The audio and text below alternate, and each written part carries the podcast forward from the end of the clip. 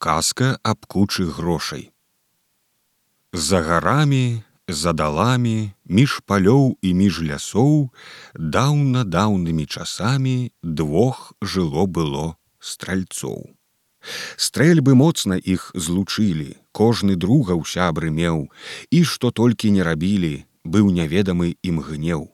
Хлеб штодзённы здабывалі паляваннем дзічыны, і стральцы зусім не зналі гора горкага і бяды.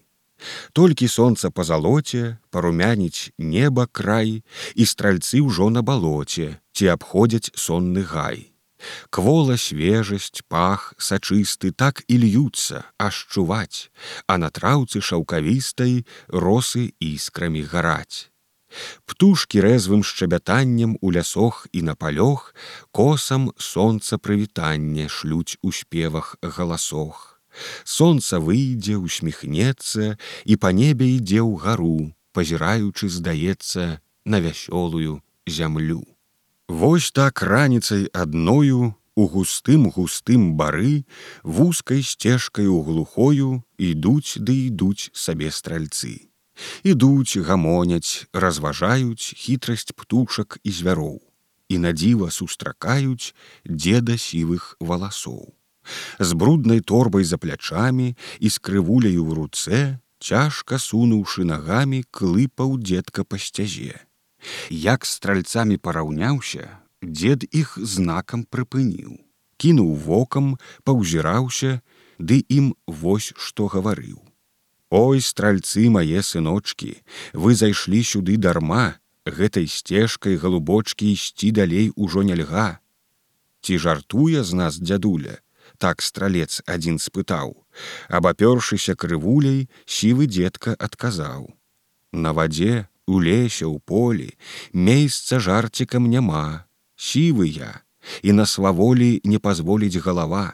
Вам кажу я з добрай мэтай, лепш вярнецеся назад, бо далей на сцежцы гэтай лёг ляжма вялікі гад. І разлёгся ж ён паветра не праехаць, не прайсці, лес жа лес, абшар і нетра, з небам гутараць вярхі, А між дрэваў, як патворы, страхацё, вывараты і ляжаць, як тыя горы, уверх падняўшы карані. І стральцы, як гэта ўчулі, дзяду дзякуюць. Хай Бог дасць здаровейка дзядулі, што ад смерці прасцярог. Пакланіўся ім дзядуля, штось мармычучы сабе, і пайшоў сваёй крывуляй в свой бок по той сцязе. Вслед за дзедам пазіралі хвілін некалькі стральцы і ўсё думалі гадалі, што рабіць, куды ісці. Момант прыкрай развагі і гавораць так яны. Што нам гад, балей адвагі, стрэльбы ж маем, некалы, і аберуч на рыхтоўку стрэльбы ўзяўшы прад сабой ідуць стральцы ўжо станоўка напярод па сцежцы той. Ідуць стральцы абор гусцее сцежка ўецца між кустоў збоку выварат чарнее страх находзіць на стральцоў.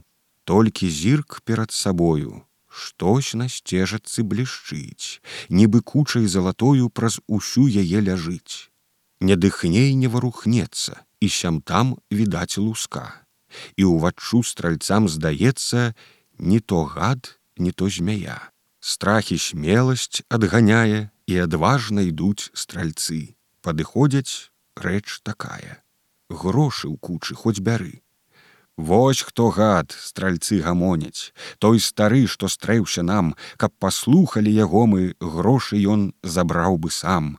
Ну і грошай, не пражыці, Еш і пі сабе, гуляй, годзя стрэльбамі хадзіці і без іх нам будзе рай. І над кучай стаўшы тою, разважаюць, што рабіць, Бо ж ім сілаю сваёю столькі грошай не знасіць, А тым часам непрыкметна ў сэрцы шчырыя стральцоў уваходзіла прыветна хцівасць, жар да залатнікоў. Толькі сэрцаў жыўшых люба дакранулася яна, як устала зайздрасць з губа і руку ёй падала. Разам сэрцы ахапіўшы, кроў па жылах ціснуць, пруць і стральцы ўсё забыўшы, думкі чорныя снуюць. Вось адзін і кажа другу: ідзі дамоў ты па каня, бо ўсё роўна саматугам грошай нам знасіць нельга. А я сторажам пабуду, трэба ж грошай пільнаваць, чорта ўсякага прыблуду ад іх стану адганяць. І падумаўшы, дабавіў: там да жонкі брат зайдзі, толькі ж з ёю каб не бавіў, што паснедаць прывязі. Добра, добра, На адходзе кажа друг той пасланец, усміхнуўся, як у згодзе і пайшоў у свой канец. Стораж друг адзін астаўся. Доўга стрэльбу аглядаў і па сцежцы прыцаляўся, як бы нешта сцікаваў. Потым сеў прыкучы грошай, загарнуў крыху рукой і бліскучасцей прыгожай лашчыў зрок зайздросны свой. Потым ласкава і міла стаў да кучы гаварыць. Ці ты думала, ці сніла, хоць калі маёю быць. Так вы грошы залатыя, толькі я над вами пан, прысягаю дарагія, вас нікому не аддам. Як прыедзе друг мой з хаты, стрэну кулею яго, буду я адзін багаты, Ох ты золата маё! Так сказаўшы, стаў узірацца і на сцежку і на кусты і мацней пачаў трымацца стрэльбы з кулей на звяры. Пасланець жа без аглядкі, наўкасяк і на прасткі бег дамоў, ва ўсе лапаткі, аж калола пад бакі. Гналі думкі яго злыя, друга як пазбыць свайго, каб як грошы залатыя асталіся для яго. Вось парог і роднай хаты, жонка там кушмарыць печ і стралец ліхім зацяты кажа ёй такую рэч Бог даў шчасце нам галубка грошай кучу не пражыць хопе дзеткам будзе ўнукам толькі б з ім не падзяліць ты какорыну затрутай з дзікім зеллем замясі і спячы яе мінутай трэба другу завясці муж пайшоў у хлеў адрыну пяруном запрог коня, жонка ж мужу за часіну і атруты прынясла.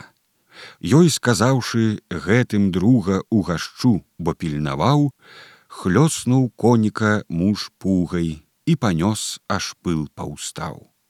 Вось і лес, што раз гусцее і чарнее ў гары і дарога ў сцяж вузее хмызнякамі бягучы.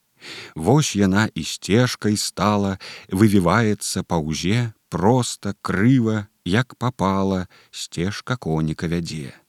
Едзе далей між кустамі, пугай лупіць па кані, той на выварат з рагамі пазірае ў тарапні. Далей, далей, конь спацелы не бяжыць, а ідзе ступой. Зірк стралец і заблішчэлі грошы кучай залатой так ляжаць яму здаецца бы пакрытыя луской расцягнуўшыся на сцежцы нібы гадам ці змяёй пры грашах і друг ягоны стрэльбу скінуў на руку сыпе іскры зрок шалёны проста ў вочы пасланцу зайздрасць бураю бушуе ў сэрцы друга пасланца і каню ён не шкадуе лейцаў пугі пугаўя пасланец коня спыняе ужо яздзе яго канец, стораж цынгель нацягае і не бачыць пасланец. Бачыць грошы хцівым вокам, куча золата ляжыць. Бачыць, друг да грошай бокам стрэльбу сціснуўшы стаіць. Пасланец атруту ўзяжы скіраваў да грошай крок. Друг жа, цынгель націскаўшы, у левым воку жмурыць зрок трэцім крокам не ступіўся і ў вушох у пасланца стрэлам трэскам гук адбіўся нібы грому пяруна толькі зірк аж лес вярхамі нахінаецца ніжэй Вось вярхі ўжо над вачамі а ўваччу што раз цямней грошай куча залатая паднялася страхачом і сябе луску страсае раскідаючы агнём Зірк яшчэ раз, аж лускою павачох б'е страхаццё. Уцякаў бы, дык зямлёю ўжо прыціснула яго.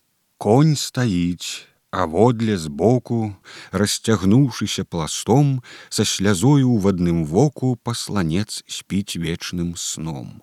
Друг жа стораж падбягае, з цёплай стрэльбаю яшчэ з рук шчамелых вырывае торбу з ежай для сябе. Як здабычу воўк галодны разрывае на кускі, так стралец недобрародны увіхаўся ля яды. Ежы той не з'еў паловы, як асунуўся і паў, галавою ў пень сасновы з вышыні свае папаў. І ўздрыгнуўшы двойчы целам, распластаўся на зямлі. Сэрца хцівае здранцвела, вочы цемрай заплылі. Хцівасць зайздрасцей праз вочы гадам вылезлі ў стральцоў, папаўзлі назад у грошы, папаўзлі змяёю зноў. Там, скруціўшыся клубамі, і цяпер у іх жывуць, а луской залатнікамі чалавеку ў вочы б'юць.